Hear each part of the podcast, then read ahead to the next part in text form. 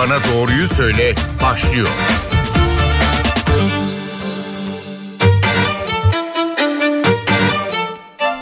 Merhaba saatler 12.15'i gösterirken NTV Radyo'da Doktor Bana Doğruyu Söyle başladı. Ben Zeynep Gülalp. İnternette birçok konu konuşuluyor. Özellikle salgın konusunda yanlış bilgiler sıklıkla dolaşıyor ve bu bilgiler ağır sonuçların doğmasına neden olabiliyor. Bu nedenle Doktor Bana Doğruyu Söyle de biz doktora doğrusunu soruyoruz. Konumuz salgındaki son durum. Bugün sorularımızı Bilim Kurulu üyesi ve Başakşehir Çam Sakura Hastanesi Başhekimi Profesör Doktor Nurettin Yiğit'e soruyoruz. Sayın Yiğit hoş geldiniz yayınımıza. Hoş bulduk. Teşekkür ediyorum. Profesör Doktor Nurettin Yiğit'e sorularınızı bize NTV Radyo'nun sosyal medya hesaplarından yöneltebilirsiniz. Ayrıca 0530 010 22 22 numarasından da WhatsApp hattımıza sorularınızı gönderebilirsiniz. Sayın Yiğit önce vaka sayılarıyla başlayalım isterseniz. Evet. Rakamlar hafta sonu 25 binlerde oluyor. Çarşamba günlerine doğruysa 30 bin sınırlarına dayanıyor. Neden böyle bir dalgalanma var? Acaba hafta sonları kurallar gevşetiliyor mu ve bu rakamlar neden bir türlü düşmüyor? Evet. Aslında pandeminin başından beri şöyle bir gerçeğimiz var. E, hafta sonları rakamlarımızda bir gevşeme oluyor. Özellikle pazartesi değil de salı günü bir artış trendi yakalıyoruz. Onun sebebi de şu. Genelde e, pazar günü değil de e, hafta başı bir yüklenme oluyor teste, acillere. Bunun da rakamsal yansıması testlerin çıkma saatinde üste koyduğumuzda salıya daha çok yansıyor aslında bizim bu hafta sonu ve hafta içi değişiminden etkilenmeyen en e, izole günümüz genelde çarşamba oluyor. Çarşamba daha e, bizim e, özgün rakamımızı gösteriyor ama burada en sağlıklı olan biliyorsunuz haftalık 100 binde vaka dilimlerini tartışıyoruz. Bence o rakam çok kıymetli çünkü illeri de eşit görebiliyoruz. Yani 100 binde kaç vaka çıkıyor haftalık? Günlük etkilerden arınmış bir şey bu gidiş. Bir de haftayı karşılaştırırken aynı dinamiklere sahip o günü bir önceki haftanın aynı günüyle karşılaştırdığımızda o da fikir verebiliyor. Ee, bunları üste koyduğumuz zaman bir gelişme daha oldu aslında son zamanlarda. Bazı alanlarda biliyorsunuz PCR testi e, zorunluluğu geldi. Özellikle pazar günleri ciddi bir PCR testte büyüklenme oluyor.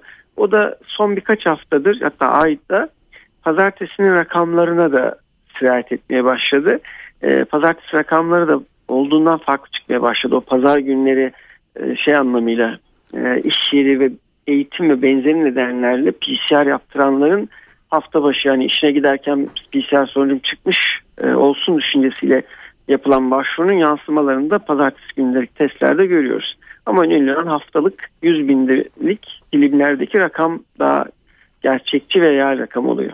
Evet bu hafta mesela o 100 ıı, bin dilimlik rakamlarda en çok Karabük en az Şırnak'ta vaka görüldü. Bunu evet. neye bağlıyorsunuz? Şimdi bir defa o 100 binde dilimdeki rakamlar şöyle e, mesela ilin nüfus örneği 100 binse e, şimdi 100 binde o ilde örnek veriyorum 500 vaka çıktı diyelim ama başka bir ilde milyonlar nüfus var. E, yani 100 binde çıkan vakayı üste koyduğun zaman mesela o ilde toplam nüfus zaten 100 binse 100 binde çıkan rakam o. Bazen bu illeri karşılaştırmak için güzel bir yöntem ama en çok vaka hangi ildeyi göstermesi anlamında e, yorumlanması gerekir. E, şu anlamda önemli bu rakam. İllerin dinamiklerine bakmak lazım. Niye söylüyorum bunu? Şimdi bizim vakalarımız en çok son ayda nerede yükseldi? Çocuk yaş grubunda yükseldi. Şimdi ya da genç yaş grubu. Bunu da ne tetikledi? Bir okulların açılması, iki üniversiteden açılması. Şimdi Karabük neredeyse nüfusu kadar, nüfusunun yarısı kadar üniversite öğrencisi olan bir şehir. Yani şehir merkezinde 110 bin kişi yaşıyor ama üniversitesinde 50 bin öğrencisi var. Yani neredeyse ilin yarısı kadar öğrenci geldi oraya geçtiğimiz ay. Ee, böylelikle şimdi Karabük'te 100 e, binde vakanın artmasının sebebi aslında üniversite eğitiminin geçtiğimiz ay başlaması ilin böyle bir dinamiği var. Yani aslında o, o il için beklenen bir şey bu. Yani bu rakamlara e, neyi tesir etti dersek bütün Türkiye genelinde aslında ilk önce okulların açılması akabinde de üniversitelerin açılması tesir etti. Ne oldu? Bizim çıkan vakalarımızın üçte birlik dilimi çocuk yaş grubundan çıkmaya başladı. Ama bunun e, çocuk yaş grubunda yatmaya ve yoğun bakıma tesiri oldu mu? Aslında bir miktar artsa da öyle çok korktuğumuz düzeyde olmadı. Yani çok fazla yoğun bakıma gelen çocuğumuz yani vaka artış hızı kadar büyük olmadı. Yatan vaka artış hızı kadar büyük olmadı. Bu bizi sevindirdi. Ee, daha çok yetişkinler gibi işte Covid bulgularıyla geldiler, ateşle geldiler, işte e, baş ağrısıyla geldiler ya da en fazla akciğer tutulumuyla geldiler.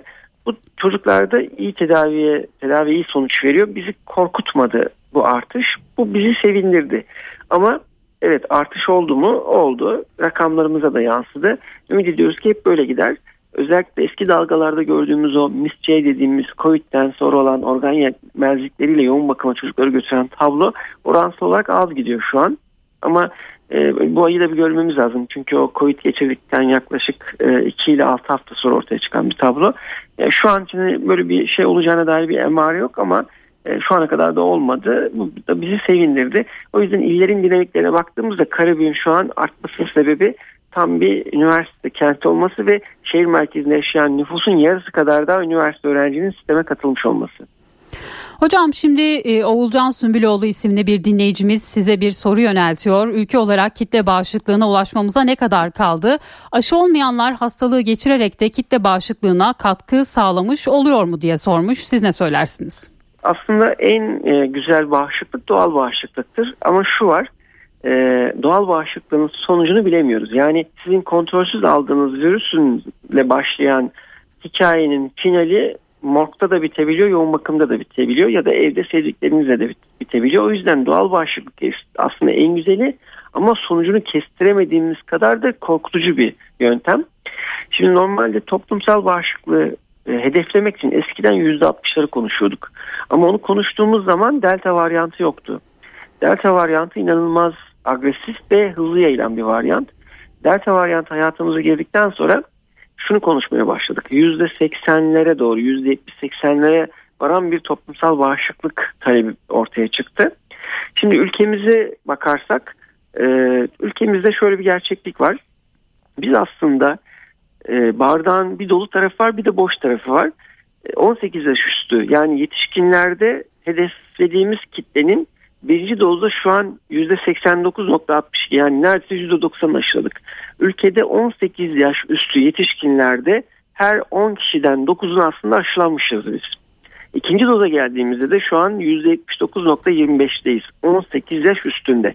Yani orada da her 10 kişiden 8 kişi aslında ikinci dozunu da yaptırmış.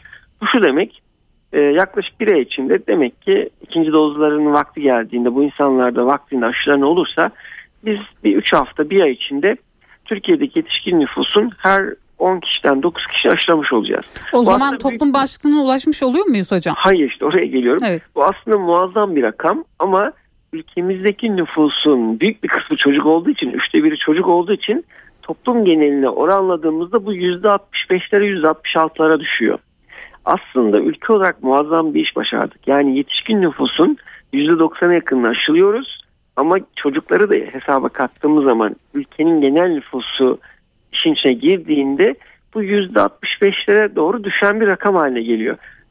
Bardağın dolu tarafı şu hedeflediğimiz yetişkin kitlede aslında aşırı iyi iş çıkardık ama işin içinde çocuklarımız da olduğu için toplumsal bağışıklıktan biraz geri kaldık. Şimdi okulların açılması nedeniyle çocuklarda da büyük bir oranda enfeksiyon hasta hafif seyrediyor. Evet çok küçük de olsa ağır seyredenler var. Onların içinde de hastalığı geçiren bir nüfus oluştu. Bu da toplumsal bağışıklığın üzerine evet her gün artı bir artı bir ekleniyor. Ee, dünya şimdi çocukları da aşılamak istiyor, aşılamaya başladı. Sebebi şu, yetişkinlerin aşılanmasıyla toplumsal bağışıklığa aslında ulaşabilirdik. Yani bizim Türkiye'deki bütün yetişkinlerimiz aşılarını olmuş olsaydı e, şu an belki toplumsal bağışıklığı konuşuyor olabilirdik. Ama belli ki fire vereceğimiz bir yüzde on küsür bir vatandaş var. O da e, ciddi bir rakam ediyor. Demek ki o zaman çocukların da bağışıklığına ihtiyaç duyacağız. Dünyada zaten bizim aynı durumda. Ama vatandaşımızın dediği gibi evet aşılama şey e, bir kazanım. Kendiliğinden hastalığı geçiren ve hayatta kalan vatandaşlarımızın oluşturduğu antikor da bir kazanım ve toplumsal bağışıklığa katkı sunuyor. Ama aşılanmanın şöyle bir şeyi var. Antikorların düşme vaktini biz hesap edebiliyoruz. Mesela diyoruz ki Sinovac için 3. aydan sonra düşüyor. mRNA için 6. aydan sonra düşüyor. Ama hastalığı kendi geçiren kişinin bağışıklığının ne zaman düşürdüğünü kestirmemiz çok zor. aşıda hatırlatma dozları yapabiliyoruz. Ama kendisi geçiren kişiye e, artık senin bağışıklığın bitti bir daha Covid geçir deme şansımız yok. E, o yüzden de aşı şu an e, en güvenli toplumsal bağışı oluşturma yöntemi gibi gözüküyor. Yani Covid geçirenler de aşılarını aksatmamalı söylediklerinizden anladığımız bu. Şimdi Tabii çocukların aşılama sürecinden bahsettiniz az önce. Amerika Birleşik Devletleri aşılamaya başladı.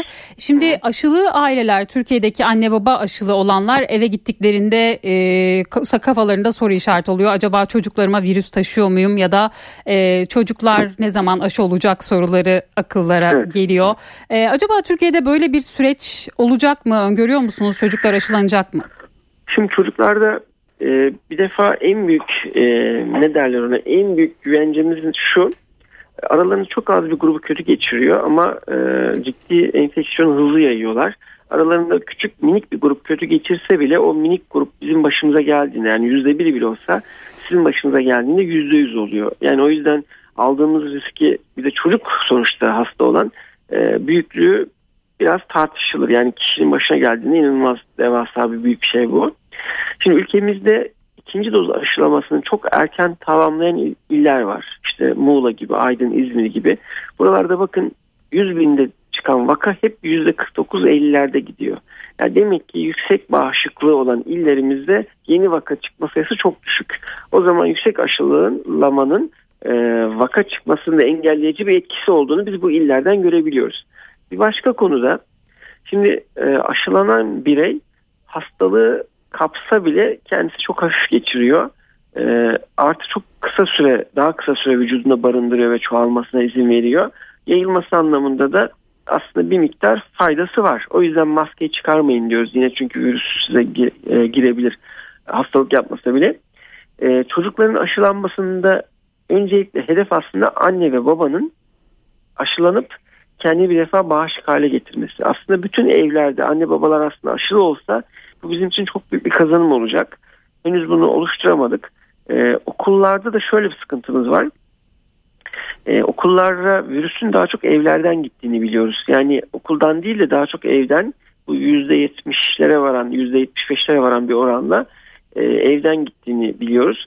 Okulda da bunun yayılmaya başladığını nasıl anlıyoruz? Aynı sınıfta birden fazla pozitif vaka çıkarsa hemen o sınıfı karantinaya alıyoruz. Yani çünkü artık o sınıfta da yayılmaya başladığına bunu delil sayıyoruz. Ee, burada e, bu zincirin kırılmasında birinci şey e, yöntem evdeki bir ebeveynlerin aşılanması çok büyük bir kazanım. İkincisi de e, evde bir COVID'le çıktığında ya da çocuğunuzda bir enfeksiyon bulgusu tespit ettiğinizde onu hemen evinizde izole etmeniz e, ve okula göndermemeniz e, yapılabilecek en büyük katkı.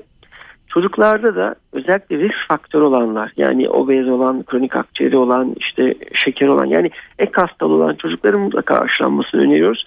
E, çünkü onlar şu an en uzun süre tanımadığı kişilerle bir arada kalan ve uzun süre e, kapalı ortamda vakit geçiren fertler. Şu an onlar özellikle ek hastalığı olanların bir an evvel aşılanmasında fayda var diye düşünüyorum. Ha, ülkemizde 5 ila 11 yaş grubu için henüz bir e, risk yok. Şunun için 5 ee, ila 11 yaşa biliyorsunuz Amerika başladı aşılamaya. Ee, onlar o, yaş grubu için üçte bir dozla aşılama yapıyorlar. Bizim henüz 5 ila 11 yaş grubumuzda artmış bir vaka oranımız yok. Bizim daha çok 12-19 e, yaş işte o 25 yaş o aralıkta bizim vakalarımız biraz çoğunlukta. 5 e, ila 11 yaş arasında ülkemiz için böyle bir alarm çanları çalan bir durum söz konusu değil. E, şu an planımızda da bu yok zaten. Bilim kurulu da gündemine henüz almadı bunu. Gelecek günlerde bu grupta yaş grubu da bir görürsek e, bilim kurulu gündemini alır ama şu an böyle bir gündemimiz yok. Peki hocam üçüncü doz aşılar da başladı geçen e, günlerde. Şu an ilgi nasıl? Ne gözlemliyorsunuz? Şimdi e, ilgiyi ölçmek için yanlış zamandayız. Niye söylüyorum? Çünkü biliyorsunuz 3. doz için e, Sinovac'ı biliyorsunuz vakti geldiğinde zaten aşılamıştık. 15 milyon Sinovac olan vatandaşımızın 11,5 milyonu şu ana kadar 3. dozunu yaptırdı.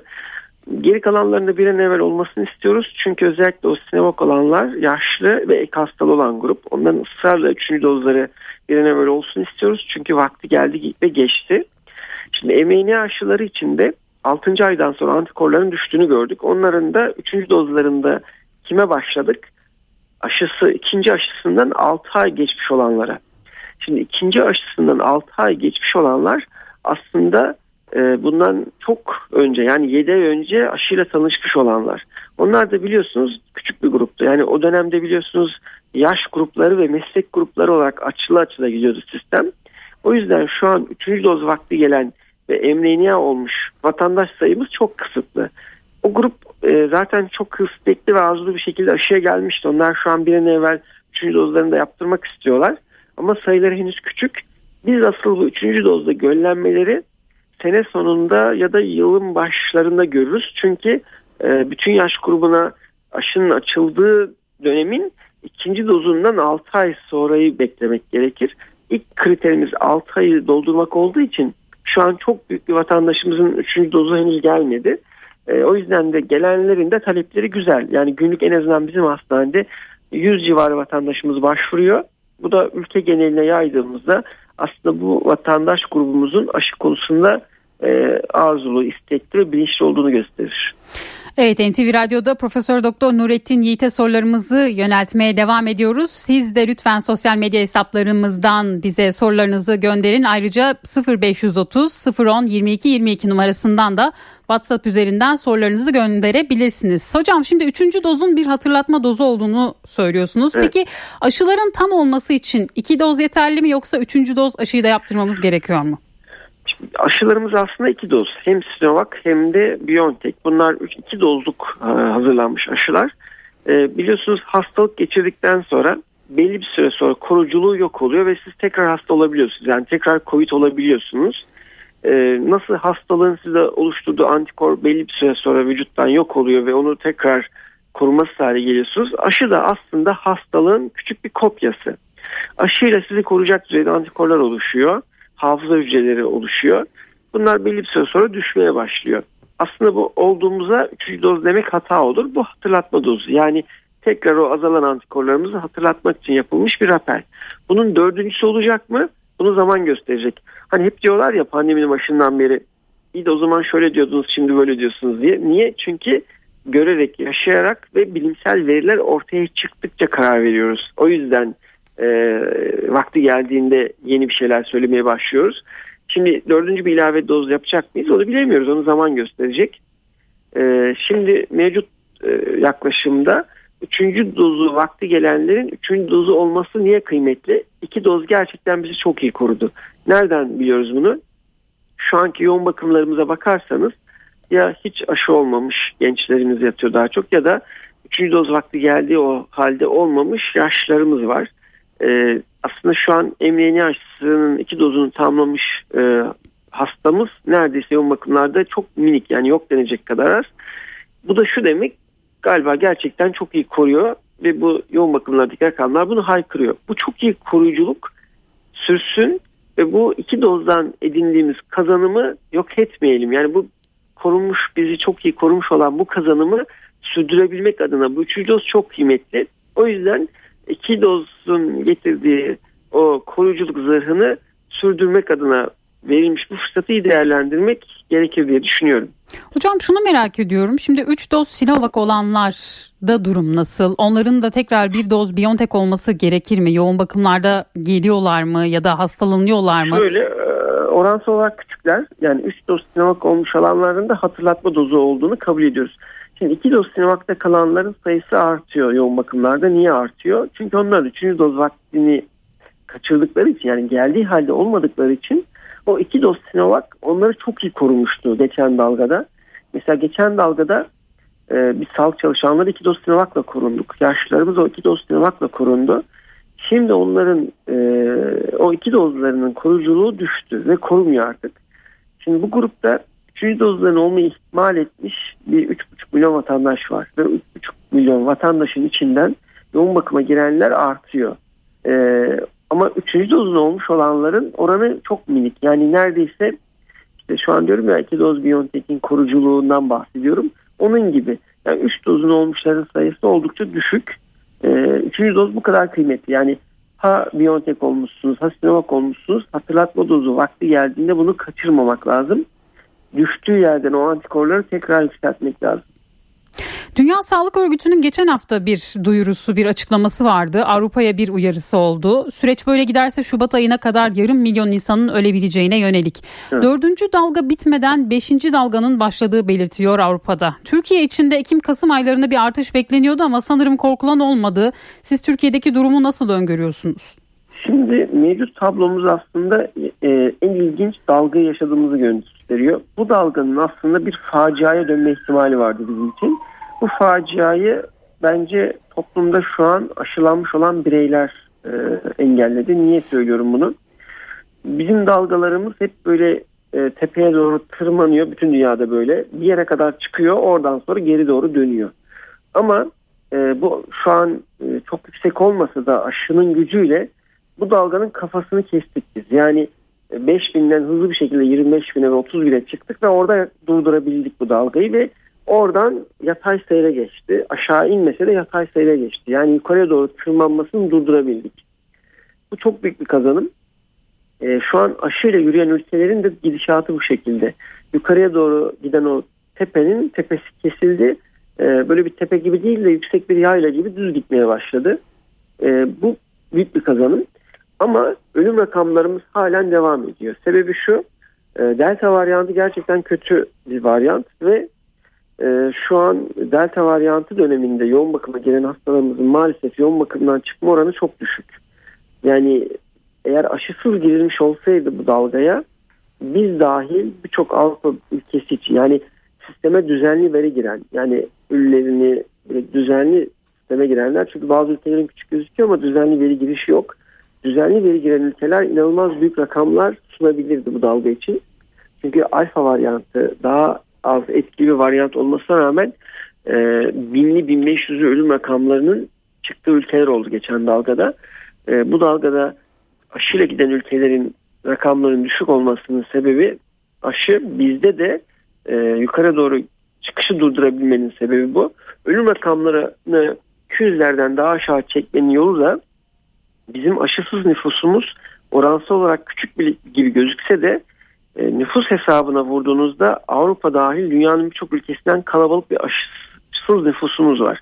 Yani yetişkin nüfusta aşı olmayan e, 15 milyon civarı yani aşılarını tamamlamamış 15 milyon civarı bir vatandaş bir de ikinci dozunu olup da üçüncü doz vakti geldiği halde olmayan bir 3,5 milyon vatandaş 4 milyon vatandaş yani yaklaşık 20 milyona yakın aşı olması gereken bir vatandaş var ve daha çok ölümlerimiz de bu 20 milyonun içinden çıktığı için ve dünyada 20 milyonun e, üzerinde az ülkenin nüfusu var. Halen çok büyük bir nüfusumuz bizim şeyle karşı karşıya. E, Delta varyantının öldürücü etkisiyle karşı karşıya. Bu aşısız nüfusumuzu ne kadar küçültebilirsek ölüm oranımızı da o kadar aşağı çekeceğiz.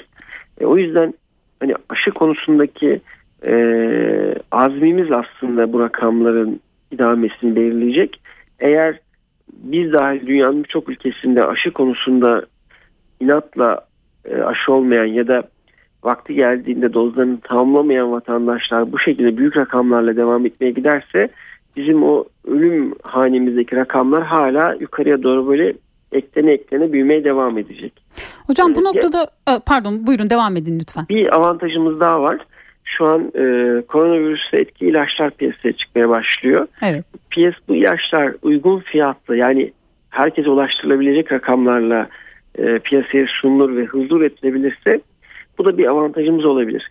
Diğer konuda yüksek doz aşılamanın üzerine şu an delta varyantının çok hızlı yayılması nedeniyle e, toplumsal anlamda da bağışık olmuş nüfusun etkilen üzerine eklenmesi ve hatırlatma dozlarıyla da oluşmuş olan bağışıklığın sürdürülmesini üstüne koyarsak eğer e, belki bu sene zor ama, zor ama önümüzdeki yılın işte başı gibi bir ihtimal biz koronavirüsü bir e, mevsimsel bir hastalığa doğru itip işte belki yılda bir onu bilemiyorum zaman gösterecek hatırlatma dozlarıyla aynı gripte olduğu gibi yönetebiliriz ihtimali de aslında gözükmeye başladı. Hocam şimdi Amerika Birleşik Devletleri'nde e, Biden'ın bir açıklaması vardı. Kamu çalışanlarına aşıyı zorunlu hale getirdikten sonra vakalarda ciddi bir düşüş görüldüğü yönünde. E, bugün kabine toplantısı var ve konunun orada da e, vakalardaki durumun evet. orada da ele alınması bekleniyor. Hatta Sağlık Bakanı Fahrettin Koca'nın da bir sunum yapacağı da evet. belirtiliyor. Aşılama bu şekilde sürerse yeni tedbirler gelir mi? Bu 20 milyon aşı olmayan kişiye bir zorunluluk söz konusu olur mu? Ne söylersiniz? Şöyle ya ülke olarak biz bir defa e, özellikle tıbbi uygulamalarda zorunlu çok seven bir ülke değiliz. Biz daha çok ikna yöntemini tercih ediyoruz ya da alternatif e, yöntemler. Yani kişi olmuyorsa PCR testiyle negatif olduğunu belgelesin gibi alternatif yöntemlerle gidiyoruz. Zorlamayı pek e, sistemimiz çok istemiyor. Sayın Cumhurbaşkanımız da bunu beyan etti. E, çok hani mecbur kılmak değil de kişileri teşvik etmek bizim asıl yöntemimiz. Şu an aslında biz e, geldiğimiz nokta itibariyle de e, koronavirüs rakamlarını yönetebilir bir ülkeyiz. Bizim şu an en büyük odaklanmamız gereken konu ölüm rakamlarını aşağı çekmek. Bu da işte bu aşısız grubun üzerinde ne kadar etkili olacağımızla ilişkili. Şu an sağlık sistemimizdeki göllenme ve tıkanmanın asıl sebebi COVID dışı hastalıklar. Çünkü bir buçuk yıllık ertelenmiş ciddi sağlık sorunları var. Şu an bunların hepsi çözülmek üzere hastanelere geri döndü. Bir de maske ve mesafeye verdiğimiz ara nedeniyle e, bütün o viral enfeksiyonlar, üst solunum yolu enfeksiyonlar geri döndü. Bunlar da şu an sağlık sistemi üzerinde büyük. Yani şu an aslında sağlık sistemini yoran COVID'den çok COVID dışı tekrar geri gelen solunum yolu enfeksiyonları ve ertelenmiş hastalıkların hızlı bir şekilde çözülme talepleri. O yüzden hani ülke için sistemi tıkayacak endişeye mahal bir durumumuz yok. Bir de şunu unutmayalım. Biz 18 yaş yani e, çocuk dışı nüfusla şu an e, %90'ımızı bir doz aşıyla tanıştırdık. İki dozla tanıştırdığımız nüfus da %80'e doğru gidiyor 79,5'ta. O yüzden hani bardağın dolu tarafında görürsek aslında iyi iş çıkardık.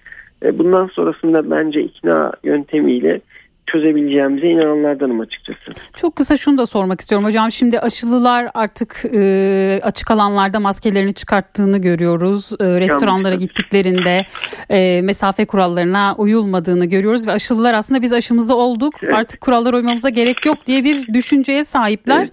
E, ama bir taraftan da baktığımızda 20 milyon aşısız Doğru. da onlarla birlikte sosyal hayattalar. Doğru. Bu konuda e, ne uyarırsınız, Doğru. ne söylersiniz? Şöyle aslında biz aşılılara da e, şöyle bir görev düşüyor. Evet biz aşılar hastalığı gerçekten oransal olarak hafif geçiriyoruz. iyi geçiriyoruz. Bu da bir özgüvene doğru götürdü bizi. E, kuralları ihlal etme yönünde bir e, şeye doğru itti. Cesarete itti. E, yani çünkü şöyle çok ciddi örnekler çıkmaya başladı.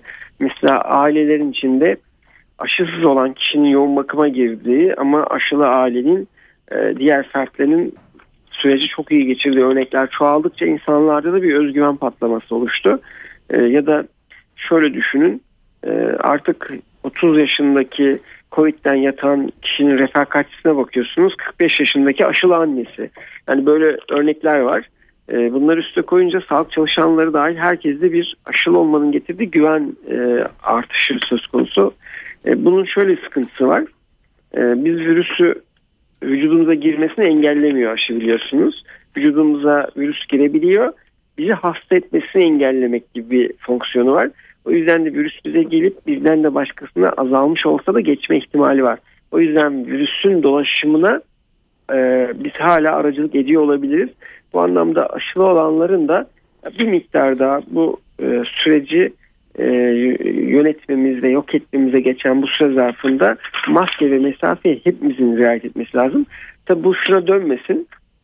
E, ben şimdi biz bilim kurulu üyesiyiz. Maskeye olabildiğince ben dikkat etmeye çalışıyorum. Bazen fotoğraf ve benzer nedenlerle iki dakika bizim maske çıkardığımız anları böyle bulup sosyal medyadan bizi linç etmeye kalkıyorlar. Yani şöyle biz maske ve mesafeyi niçin öneriyoruz? Ee, ya bu yeni vakalar çıkmasın ve yeni çıkan vakalar bizim sayemizde bir başkasına taşınan virüs bir başkasının yoğun bakıma girmesi ya da ölmesinin sebebi olabilir. Yani evet siz belki iyi geçiriyor olabilirsiniz ama kötü geçirme ihtimali olan birinin e, COVID nedeniyle ölmesinde de pay sahibi olmayalım. Bu tür vicdani yükümlülükleri üstümüze almayalım. Her şeyden önce de ülkemizin geleceğini kurtarma adına işte eğitim hayatını, spor sanat hayatını, ekonomisini kurtarma adına şu an yeni vakalar çıkmasın diye hepimiz dikkat edeceğiz maske ve mesafeyi belli bir süre daha. Ama kalıcı anlamda bu işi çözmek istiyorsak toplumsal bağışıklığı oluşturma adına da bir an evvel aşılarımız olmamızda fayda var. Çok e, son olarak çok kısa şunu da cevabını almak istiyorum hocam. Bu süreçte tabii salgınla birlikte bir de yanlış bilgiyle mücadele edildi, ediliyor siz de ediyorsunuz. Evet. İlaç kullanımıyla ilgili de aslında iyileşme sürecini aksatacak hareketlerde bulunanları duyuyoruz. Örneğin filyasyon ekiplerinin getirdikleri ilaçları kullanmayıp C vitaminiyle süreci atlatabileceğini düşünenler var. Bize doğrusunu siz söyler misiniz? Vitaminle atlatabilir mi bu hastalık? Şöyle mesela bu filyasyon ekibinin getirdiği ilaçların e, faydası ne zaman? Erken dönemde alındığında. Yani virüsün henüz vücudumuzda e, hastalığı ortaya çıkartamadığı dönemde faydalılar. Yoksa hani çok kötü hale geldikten sonra ilaçları kullanmanın bir anlamı yok. Yani bazen hastalarımız şey diyor ya ben çok iyi bu ilaçları almayayım diyor. Ya zaten o dönem için o ilaçları biz öneriyoruz. E, ilerleyen dönemde zaten onun bir kazanımı yok. Çünkü koronavirüste bizi virüs değil, virüse karşı aşırı hassas hale gelen kendi immün sistemimiz e, bizi öldürüyor.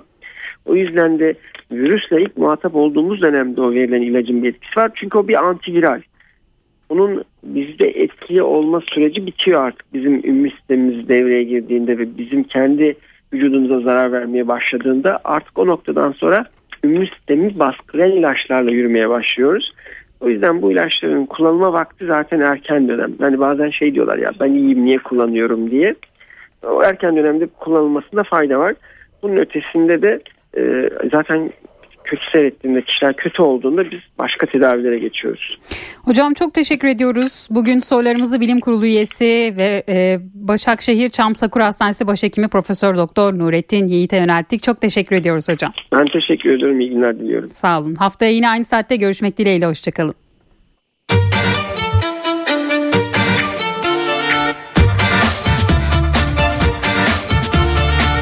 Doktor bana doğruyu söyle.